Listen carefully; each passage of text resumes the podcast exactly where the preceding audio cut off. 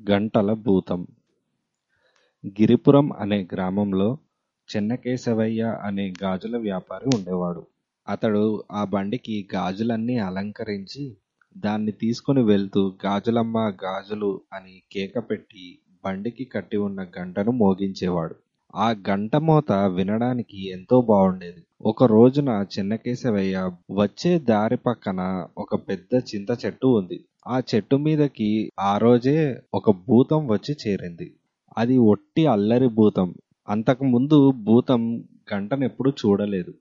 గంట ఆకారం దానిలో నుంచి వస్తున్న ధ్వని దానికి చాలా బాగుందనిపించింది అది వెంటనే బండి దగ్గరికి వెళ్ళి గంట లాక్కొని మాయమైపోయింది. ఆ మర్నాటి నుంచి వరుసగా పీచు మిఠాయి అమ్మే చలమయ్య బండి గంట, పిల్లలకు పాఠాలు చెప్పే పరందామయ్య గారి గంట ఇలా చాలా ఇళ్ళల్లోని గంటలు మాయమయ్యాయి.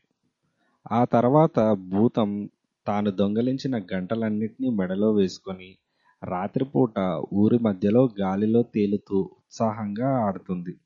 అప్పుడు వచ్చే గంట మోత ఎంత విన్నా దానికి తనివి తీరడం లేదు. ఇందువల్ల ఊరి జనానికి నిద్ర కరువైంది. భూతం మాత్రం రాత్రిళ్ళు గంటల మూతతో హాయిగా వినోదిస్తూ పగలు చింతచెట్టు మీద సుఖంగా నిద్రపోయింది. భూతవైద్యుడు మరడయ్య గంటల భూతాన్ని సరిహద్దుల అవతలకి పారిపోయేలా చేస్తానని అందరి ముందు ప్రగల్భాలు పలికాడు. వాడు ఒకనాటి సాయంత్రం చీకటి పడుతున్న సమయంలో నిమ్మకాయలు వేపమండలు తీసుకుపోయి నిమ్మకాయలు కోసి గాల్లో ఎగరేస్తూ వేపమండలు జులిపిస్తూ మంత్రాలు చదివాడు.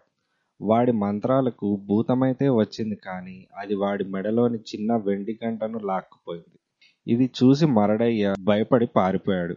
ఇలాంటి సమయంలో పట్టణంలో చదువుకుంటున్న వసంతుడనే యువకుడు ఆ ఊరిలో చుట్టాల ఇంటికి వచ్చాడు.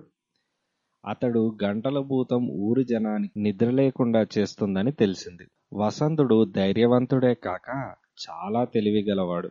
ఒకనాటి రాత్రి వసంతుడు ఒక పెద్ద గంట పట్టుకొని వీధిలో తిరిగాడు.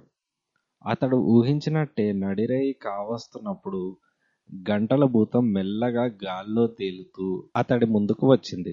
వసంతుడు దాన్ని చూసి ఏమాత్రం భయపడకుండా నిలబడ్డాడు.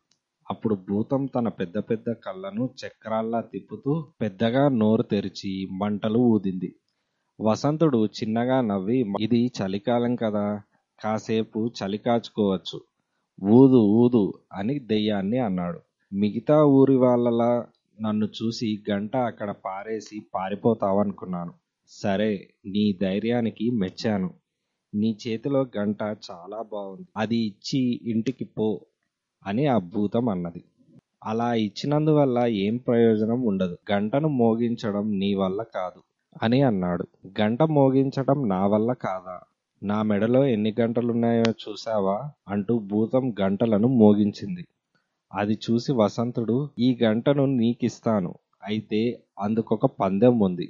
ఈ గంటను నువ్వు మోగించలేకపోతే ఆ మరుక్షణమే నువ్వు ఈ ఊరు వదిలి వెళ్ళిపోవాలి.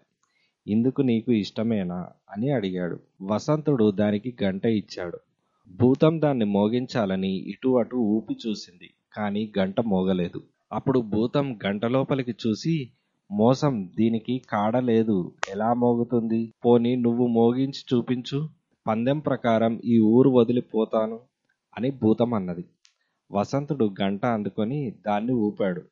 గంట గనగనమంటూ పెద్దగా మోగింది. అది విని భూతం బిక్కమొఖం పెట్టి చూడబోతే నువ్వు గొప్ప మాంత్రికుడిలా ఉన్నావు. పందెంలో నువ్వే గెలిచావు. అన్నమాట ప్రకారం ఇప్పుడే ఈ ఊరు వదిలిపోతున్నాను అంటూ గాలిలోకి లేచి ఊరు వదిలి ఎక్కడికో పారిపోయింది.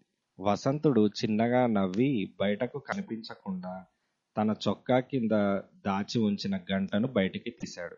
చెయ్యి కదిలించినప్పుడు భూతానికి అదే వినిపించింది. అయినా ఆ భూతం ఆ సంగతి గ్రహించలేక పారిపోయింది.